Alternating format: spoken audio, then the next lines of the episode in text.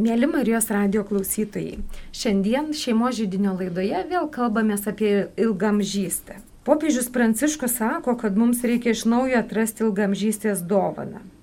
Ilgamžystė neatsiema nuo senatvės ir ji yra labai įvairi. Vienų jį paženklinta lyga, kitų proto silpnumu, o treti gyvena sveiki drūti. Visada šalia ilgamžių yra jaunesni - vaikai, anūkai, kaimynai, slaugytojai, socialiniai darbuotojai, pagal aplinkybės, kas gali būti, kas gali padėti ir ko reikia. Kartais, aišku, tų jaunesnių žmonių pritrūksta. Ir šiandien nagrinėti ilgamžystės temą, senatvės temą, gėdėjimą e, pakviečiau Jurgitą Fedorinienę. Sveiki. Labą vakarą, mėly radio klausytojai.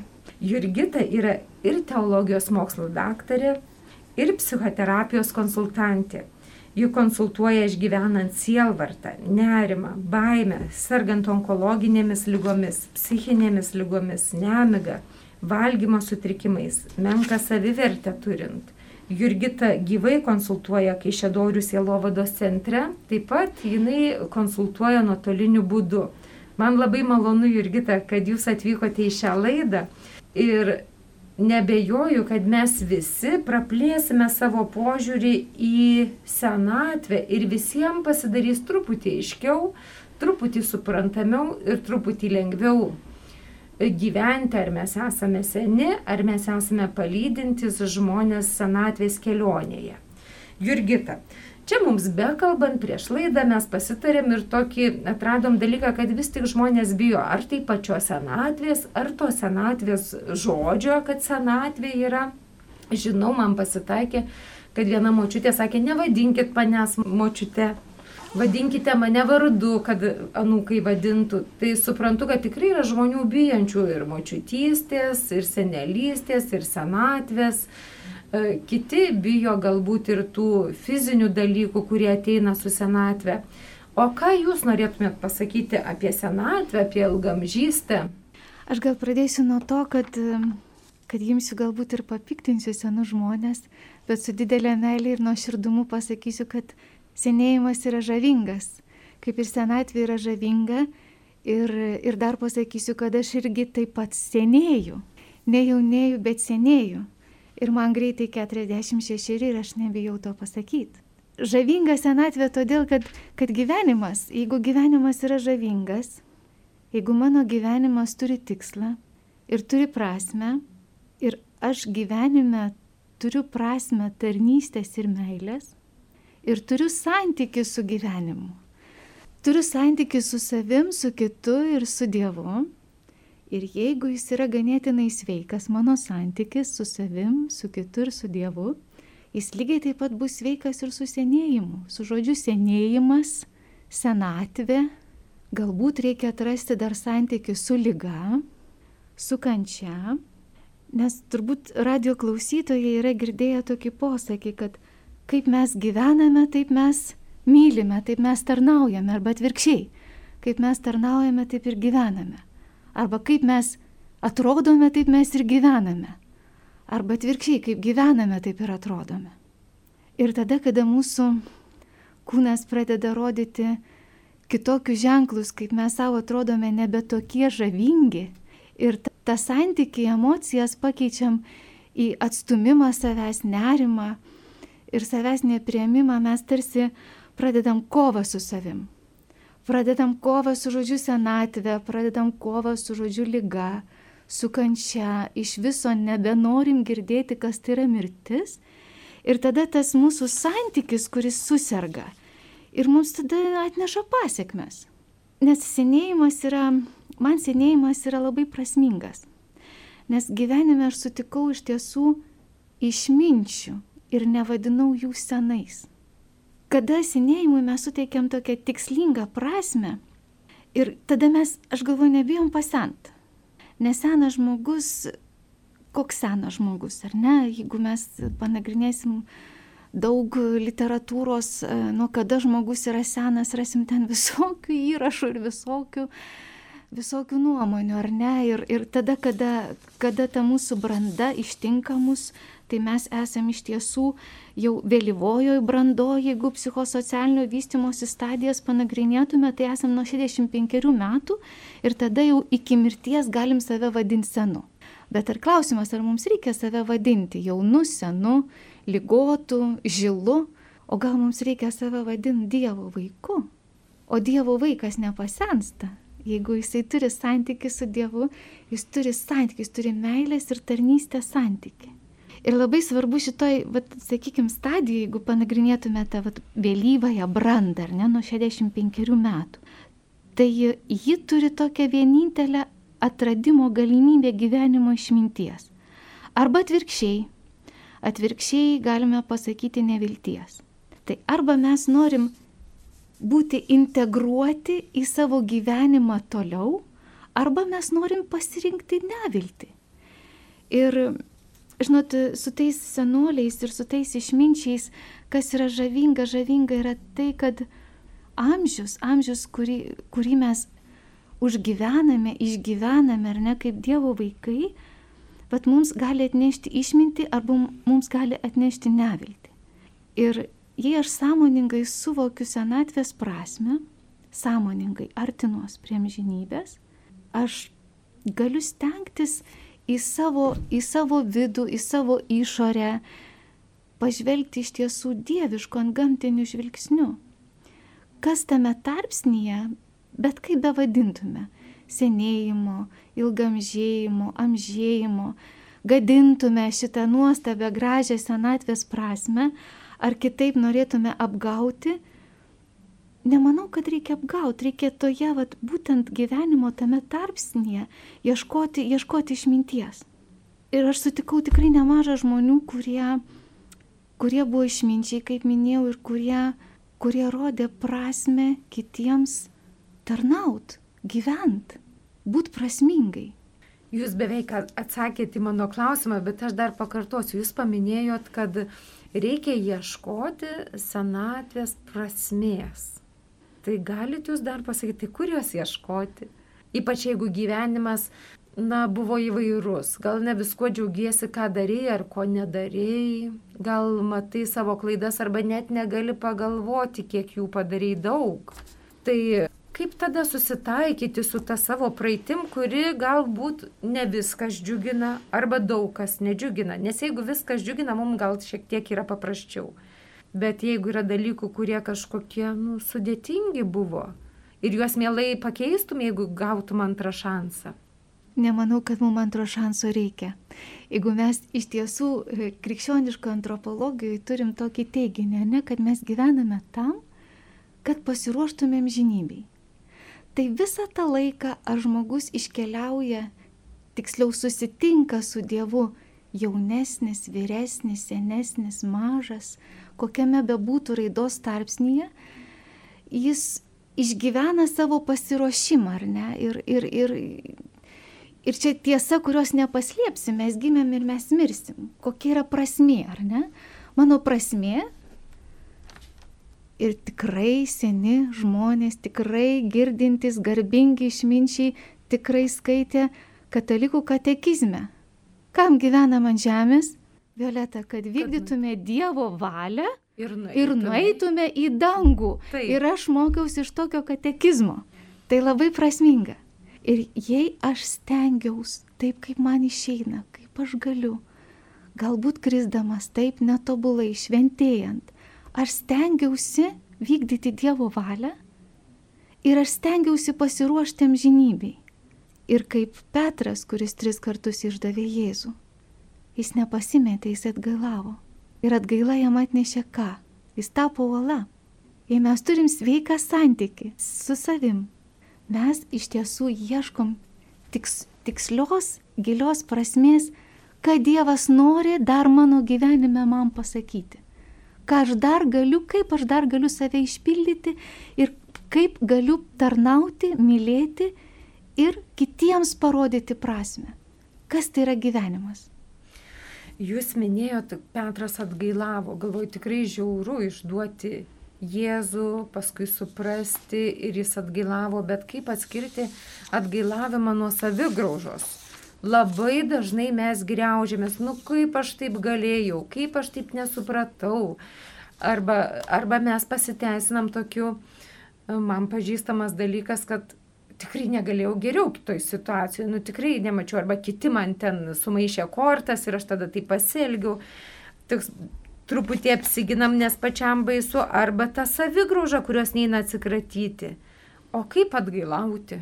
Man atrodo, mes kiek, mūsų širdise yra šitas atgailos aktas. Ir mes tikrai, tikrai mokam atgailauti, jeigu nemokam, tai, tai yra šalia žmogus, kuris gali pasakyti kaip. Petras pravirko. Jei nesenai šventėm nuostabę šventų Velykų iškilmę, Kristaus prisikelimą ir galbūt kas netyčia, o gal specialiai ar nežiūrėjo Melo Gibsono filmą Kristaus kančia. Gibsonas parodo siužetą, kad Petras ateina prie motinos Marijos ir sako, motin, aš blogai padariau, aš blogai padariau, aš įsižadėjau tavo sunaus. Maždaug tokie, to, toks yra siužetas, ar ne? Ir jis pravirksta, jis pasimetęs, jis blaškosi, bet jis sutinka tą santyki, nuolankumo santyki su savim, kad aš netobulas. Aš ne šventasis, aš šventėjau. Taip, galbūt su savo išmintim, jeigu nukeliant mano išminti dabar 46 e, metų moters, sakykime, į 21 mano gyvenimo metus, ar su savo ištverta, sakykime, kančia, priimta kančia, santyki su savim tokiu, kokį aš dabar turiu, galbūt tada kažkaip būčiau kitaip pasielgus, bet aš pasielgiau tada taip, kaip aš pasielgiau. Ir čia lieka, vat, arba mes norim būti dievais šventais, tobulais ir negalim savo atleisti, kad mes tiesiog vaikai, kurie esam netobuli ir mes šventėjam. Ir iš savo nuodėmių galim tapti šventaisiais. Kas buvo šventas Augustinas. Motina, motina Monika, šventoji Monika meldėsi už šventą Augustiną, Augustiną 30 metų. Gal Augustino paklaustume dabar, tu gailiesi už savo nuodėmės? Sakytų be abejo, taip. Ir galiu širdį ko gero atiduoti už tai, koks buvau nevykėlis. Bet aš patikėjau Dievo meilę ir Dievo gailestingumu. Kodėl tada, kai mums pražyla plaukai ir mes tampam išmintingi, pametam šitą pasitikėjimą? O gal nepametam, gal tik pamirštam, kad Dievas su mumis ir Dievas girdimus. Jurgita, tai aš suprantu, kad vienas iš tokių e, kartėlio priešnodžių ar nevilties priešnodžių yra suvokimas, kad aš nesu tobulas, aš padariau klaidų, kad ir kaip ten nuostabiai gyvenau, didesnių, mažesnių, labai didelių. Bet jeigu aš sakau, Dieve, tikrai suklydau, tikrai gailiuosi, tai ir yra ta išeitis. Taip, nuoširdus gailestis. Ar ne ir iš tiesų mes kiekvienas turbūt savo gyvenime, savo patirtyje turim, ar tai savo asmeninę patirtį, kas tai yra gailestis, ar ne, tikras gailestis už nuodėmės. Tai yra Dievo meilės prieimimas. Pasitikėjimas, aklas, visiškas aklas pasitikėjimas Dievo meilė ir gailestingumu. Dievas nėra buhalteris. Dar kitas klausimas kaip bebūtų, mus įskaudina ir kiti žmonės. Ir būna, kad per gyvenimą, va senatvėje atsimeni ir atsimeni kokią tai nuoskaudą, kokį tikrai bjaurų elgesį ir negali atleisti.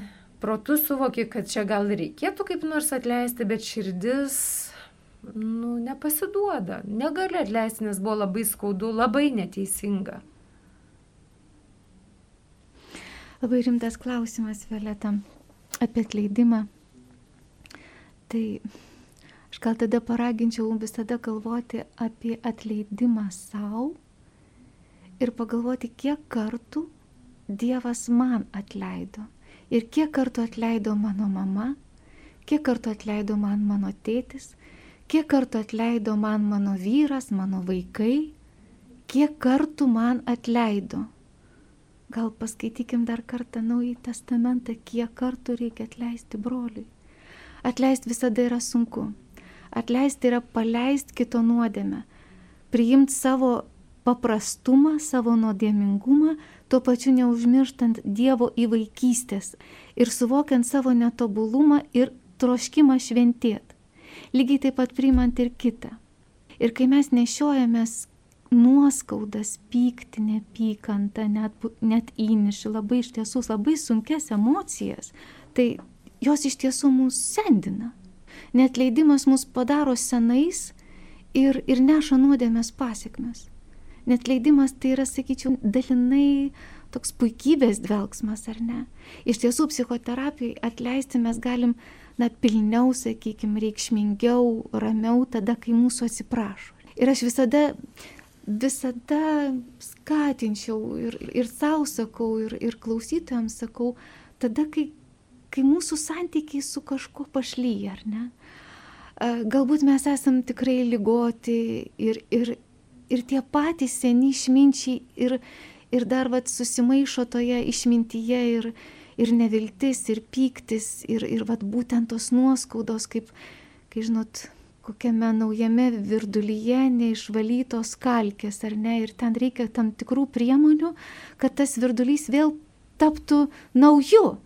Ir, ir ką mes turim padaryti, mes turim tą priemonę panaudoti, ar ne?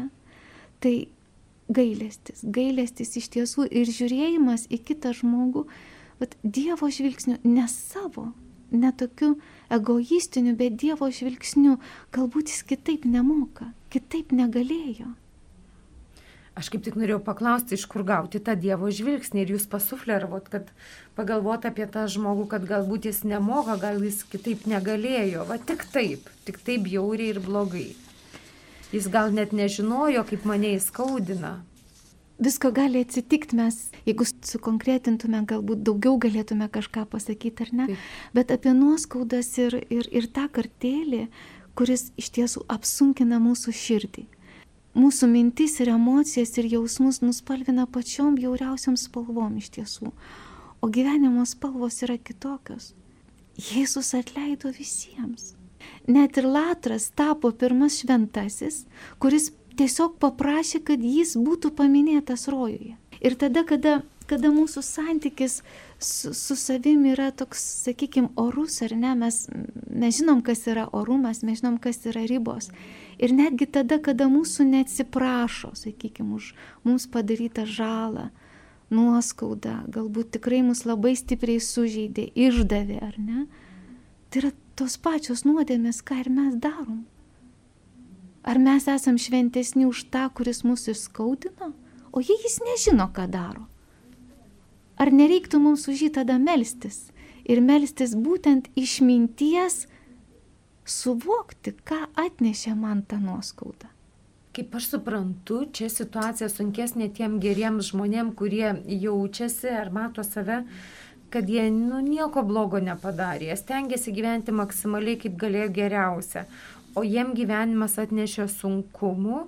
Ir jeigu jie nėra labai rimtai skaudinę kitų, kartais būna sunku įsivaizduoti, nu kaip taip žmogus gali pasielgti. Ir kaip tam gerajam sūnui, kai tėtis priemė paklydėlių sūnų, pasidarė tai baisu, kad štai tam paklydėliui visos vaišės, o jam va tam teisingajam sudėtinga. Galvoju, gal čia kažkiek panaši situacija. Žinot, kai mes e, galvojam, kad iš tų šimto avių mes esam ta pirmoji, antroji, o gal 72, o gal 98, bet neduok dievė tik tai ne ta šimtoji paklydėlė. Reiktų susimastyti, ar tas žvilgsnis į save jis yra teisingas, ar, ar mes iš tiesų, bet, nežinau, kuris Man prisimena Marijos Magdalietės pavyzdys ir Jėzus, žiūrėkit, Violeta sako, be nuodėmės meskit į akmenį ir niekas nedryso. Niekas nedryso. Reiškia, jūsų mintis yra, kad visi mes daugiau mažiau paklydę ir mums padėti atleisti kitam gali suvokimas, kad ir aš klydau ir man atleido, jeigu ne žmogus, tai Dievas, ypač jeigu aš supratau ir Dievui pasakiau, nu, atsiprašau, aš čia klydau. Ir kai supranti, kad tau atleido, iš tikrųjų yra daug lengviau gyventi, tu gali pilniau kvepuoti, tavo akis yra kitokios. Ir tas suvokimas išeitų, kai suvoki savo silpnumą, tu gali priimti ir kitą tokį silpną, bjauriai silpną ir gali susitaikyti. Violeta, aš mačiau senų žmonių, nebijau to žodžio, senų žmonių žybančias akis. Jaunų žmonių žybančias akis. Mes ir vaikų žybančias akis matom tada, kada jie gyvena prasmingai, kada jie yra džiugus, kada yra taiko ir ramybėj su Dievu, su savim, su kitu. Ir mes iš tiesų renkamės, ar būt taikoje, ar būt netaikoje ir nešioti skartėlį, va, sakykime, tą nuoskaudą kaip akmenį užantį, ar ne? Ką mums to reikia? Jeigu Jėzus myli besąlygiškai, o mes jau tada su sąlyga, ar ne, tai, tai kur mes tada einam į kokį, kokį išganimo kelionį ir ką mes, ką mes nešiojamės vietoj meilės neapykantą? Aš galvoju, kad senas išminčius yra mylintis, jo žvilgsnis yra žibantis, kaip kunigas Šeslovas Kavaliauskas sakydavo, su cinkeliu ir su didelė meilė. Ir tada nereikia keisti senėjimo, seno į ilgamžėjimą, amžėjimą, e, truputėlį apmeluoti visoko prasme, nes kai mes neturim tų sveikų santykių, mes tada mes, mes iš tiesų prarandam sveiką santykių su savim, mes pasimetam savo tapatybei. Ir tada taip mums pasidaro labai tragiškai baisi lygos savoka, mirties Kančia tai iš vis yra nesuvokiamas dalykas, tiesiog košmaras gyvenime. Ir dar pasakysiu paskutinę mintį, kas galėtų, aš galvoju, išblaivyti, bet tą senatvę žodžio nuodą, kam yra senatvė toks kaip, na, na baisus žodis, baisus žargonas, tiesiog košmariškas, košmariška savoka. Aš galvoju, senatvė žodžio nuodą gali tiesiog išblaškyti, nelikt nei kvapo. Tai yra tie patys mūsų tokie patys seni draugai, kurie yra tarsi priešnodis mūsų senatvės suvokimui. Mes nesenstame, mūsų kūnas senst. Jei mūsų psichika, mūsų dvasia eina link Jėzaus, turi santyki, tas santykis pasidaro su tokia, mano manimu, tokia ne tik kad išmintinga, bet yra tokia taure, šventa meilė kam man tada reikia nuoskaudų? Man nereikia nuoskaudų, nes aš ruošiuosi išganimui, aš ruošiuosi amžinajam gyvenimui. Čia iš tiesų reikia didžiulio samoningumo ir aš suprantu, Jurgita, kad norint pasiekti tą didžiulį samoningumą mes dar susidurėm su gedėjimo procesu. Ir noriu pereiti prie gedėjimo temos. Jūs paminėjote tokias įdomias savokas man - nebuvimo gedėjimas, buvimo gedėjimas. Pasakykit kuo čia skiriasi nebuvimo gedėjimas, buvimo gedėjimas, kodėl tai yra svarbu, ar svarbu tai atskirti? Taip, čia mano tokie sugalvoti disertacijai žodžiai, iš tiesų ne, ne šiaip savo sugalvoti, ar ne, ir atrasti, atrandant didelę prasme ir, ir, ir gilinantis į tai. Jeigu paprastai kalbant, tai nebuvimo gedėjimas, tai gedėjimas to, ko mes, ko mes jau nebeturim. Ko mes jau nebeturim, Tai yra nebeturim santykio, tai nebeturim gyvo žmogaus. Jo kūnas yra miręs, bet jis toliau gyvena, jeigu tam ruošiasi amžinai gyvenimą. Mūsų kūnai nustoja funkcionuoti. Ir jeigu mes bijom mirties, galėtų, bijom, bijom labai bijom. Tai yra natūrali būsena bijoti mirties, bet prisijaukinti pačią mirtį, jeigu atvirai aš galvoju apie mirtį ir mane tai išlaisvina nes mirtis yra laimėjimas. Ar aš gyvenu, ar aš mirštu, aš mirštu Dieve. Ir jeigu yra toks santykis, aš ruošiuosi amžinybei. Aš žinau, kad mano kūnas tiesiog nustos funkcionuoti, ar ne? Tai yra mirtis, konstatuota žmogaus mirtis. Kas toliau? Mūsų dvasia, mūsų siela yra nemirštanti. Ji nemiršta. Ji, ji yra amžinajam gyvenime. Mes ruošiamės į tai. Nebuvimo gedėjimas tai yra vat, būtent gedėjimas kito artimojo žmogaus.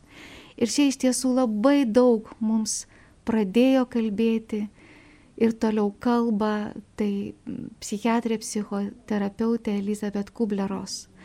Tai, tai ji ta pirmoji tanatologija, kuri pasaulį atnešė apskritai gedėjimo prasme, sielvarto prasme tai ji pradėjo garsiai kalbėti apie mirštančiuosius ir susilaukė iš pasaulio ganėtinai didelio keršto, jeigu mes tai gilinsimės į tai, ne? Nebuvimo gedėjimas tai yra reakcija į realią, realią netekti, į realią žmogaus, į realų žmogaus mirtį.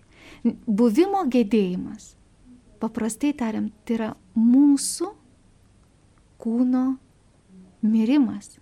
Jeigu mes sužinom, kad mes sergam nepagydoma lyga, tiesiai sakau, onkologinė lyga. Taip. Ir mes išgirstam šitą diagnozę ir ne vienas turbūt klausytojas galbūt ją girdėjęs, nedaug dievė, bet jeigu tai yra, tai vėl yra išganimo kelionė.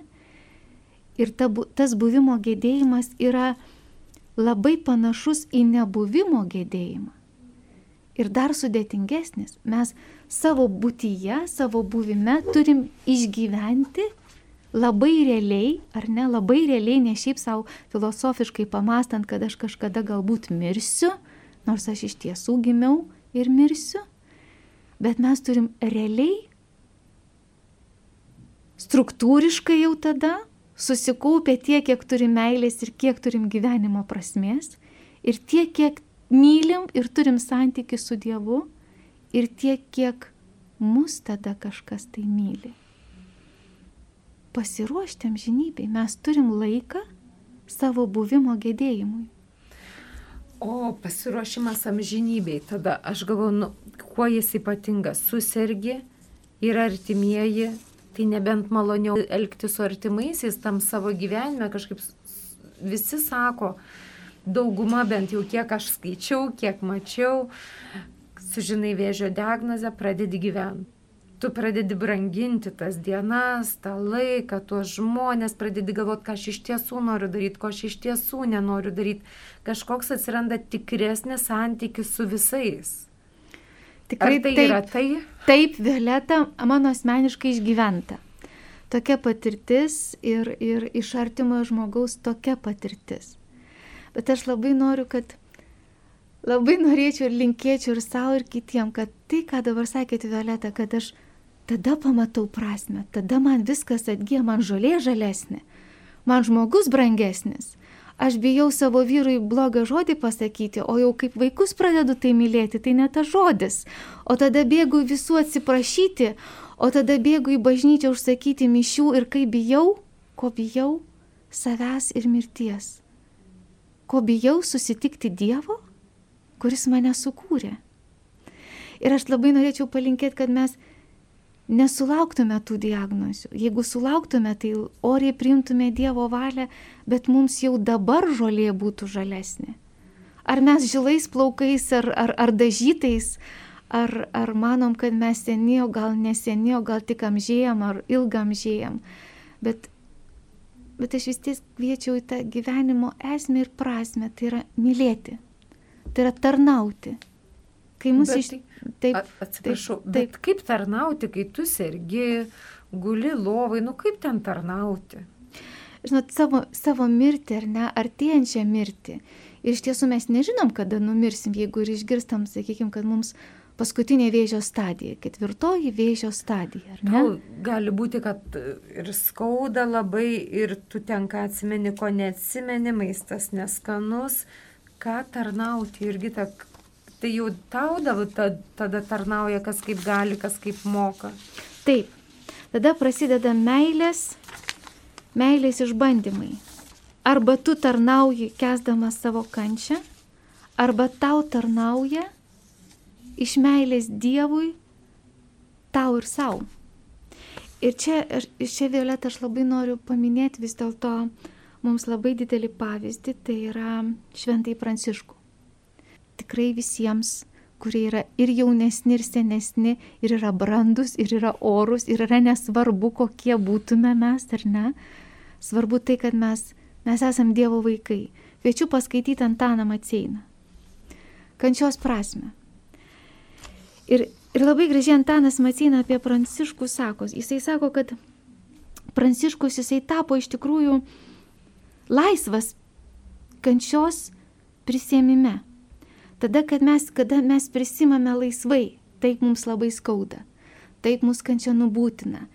Jie atrodo negailestinga, mums iš tiesų skauda, mes daromės pikti. Ir tai yra ganėtinai normali mūsų emocija. Tik mums labai reikia, ko mums svarbiausia reikia, tada, kada mes išgirstame tą žodį, ar ne, sakykime, onkologinė lyga, artėjanti mirtis, jaučiam, kad mes iš tiesų, na, galbūt jau nebepasikelsim iš, iš patalo, ar ne, ir, ir žmonės iš tiesų kenčia, ar ne, ir, ir va čia, va, kaip atrastoj paprastoj kasdienybei, kai tu atrodai pats kit, pats savo našta ir kitiems našta tą prasme, iš tiesų, kur jinai kasdieniška ta prasme yra. O prasme yra savo kančios prisėmime. O kaip ją prisimti? Sakyti ačiū Dievui? O čia aš galvoju, va ir pasirodo, pasirodo kokia mūsų gyvenimo prasme, nes kokį santykių mes turim su kančia, tokį santykių turėjom su gyvenimu. Ir jeigu aš oriai prisimu, viską darau, kad man neskaudėtų, viską darau, kad nepradėčiau šaukt iš pykčio, kodėl man atnešė ne tą vaisto kitą, kodėl man atnešė ne, ne tokį kepsnio kitokį, nes man skauda ir aš esu piktas, tai yra normalu. Ir labai, labai būtų gerai, kad labai būtų gerai, kad šalia mūsų ateitų tas žmogus, kuris ir parodytų mums mūsų kančios prasme prisėmime, ar ne? Nes jeigu mes prisimam oriai savo kančią, mes, nus, mes turim tada santyki su skausmu, mes įprasminam kančią, mes susivienėms kentėdami su Dievu, mes iš tiesų savo kančiose, savo skausme.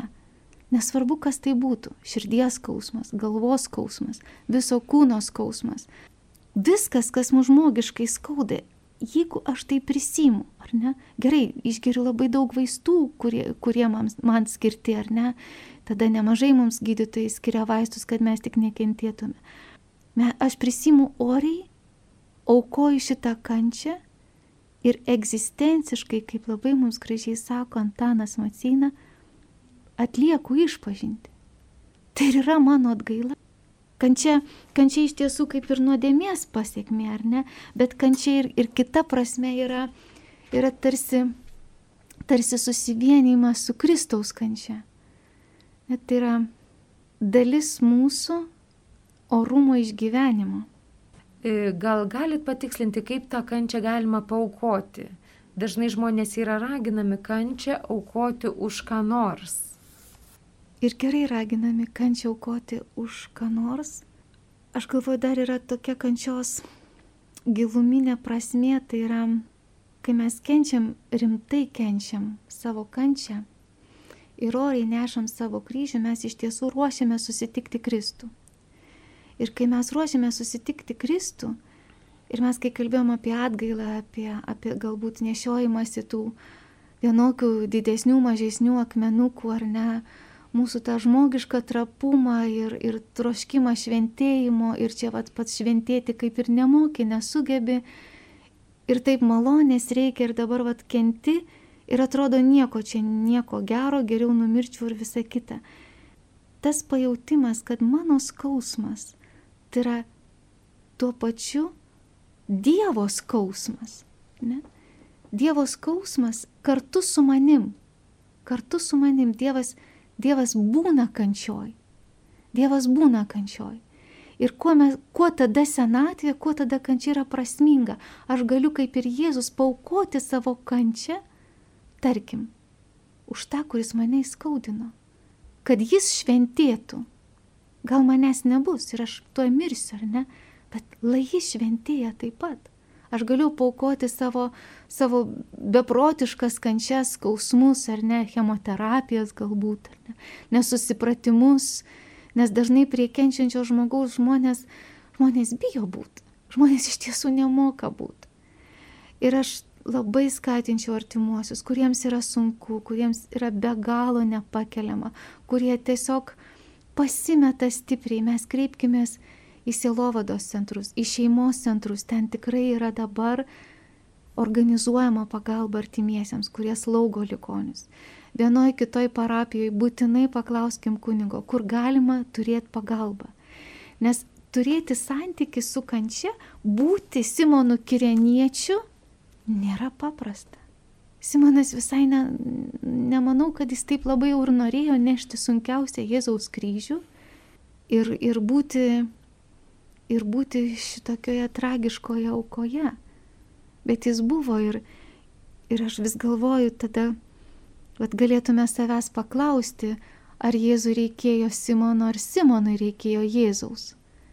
Ir kai mes esam, esam stiprioje kančioje, kuri mus nubūtina, tikrai nužmogina, ir kartais labai stipriai norisi šaukti, va tada dėrėtų atsiminti, va mūsų išganytojo kančią už mano asmeninės nuodėmės, už visų asmeninės nuodėmės, už atpirkimą.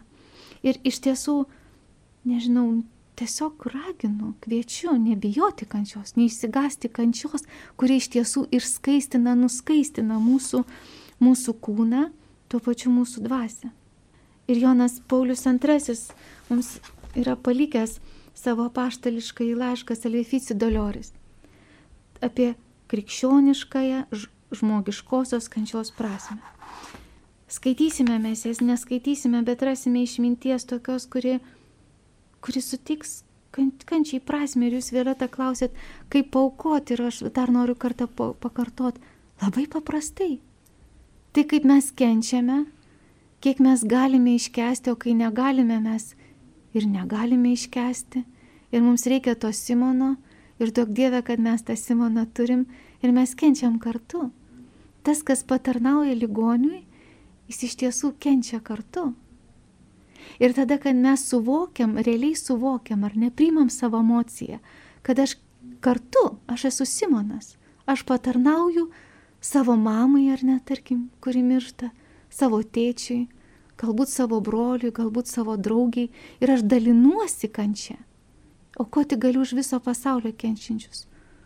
Už šią akimirką žūstančius, kad jie pasakytų Jėzau ateik, aš myliu tave, kad jie susitaikytų, ar ne? Mūsų kančia yra prasminga netgi ir nieko nesakant, netgi ir tylint ir bandant išgyventi su skausmu. Ir jei aš tą skausmą darau prasmingą, taip Jėzau už mano kaltes, taip aš tiesiog išgyvenu tai, kas man yra skirta mano išganimo kelioniai. Ir aš orus. Aš daug kartų įkvėpiu, taip išgeriu tas pačias tabletes, taip galbūt nuraminu savo Simoną Kirenietį, kuris pavargęs nežinau ką bedaryti su manim, ir vėl toliau su Dievo meile, su Dievo šauksmu ir Dievo pagalba ruošiuosi savo išganimui. Mėla Jurgita, labai ačiū šitą laiką, už šitą pokalbį. Laikas lėkte pralėkė ir aišku, tema tik paliesta, visiškai neišsemta, bet aš tikiuosi, mėly Marijos radio klausytojai, kad jūs gavote peno ten, kur jūs esate, ar jūs esate lygoje, ar jūs esate sveikatoje, ar jūs kažkam padedate. Aš nebejoju, kad Jurgito žodžiai jūs padrasins, įkvėps, sustiprins Ir linkėdama gero vakaro, dėkoju Jums Jurgita ir atsisveikiname. Sudie. Sudie.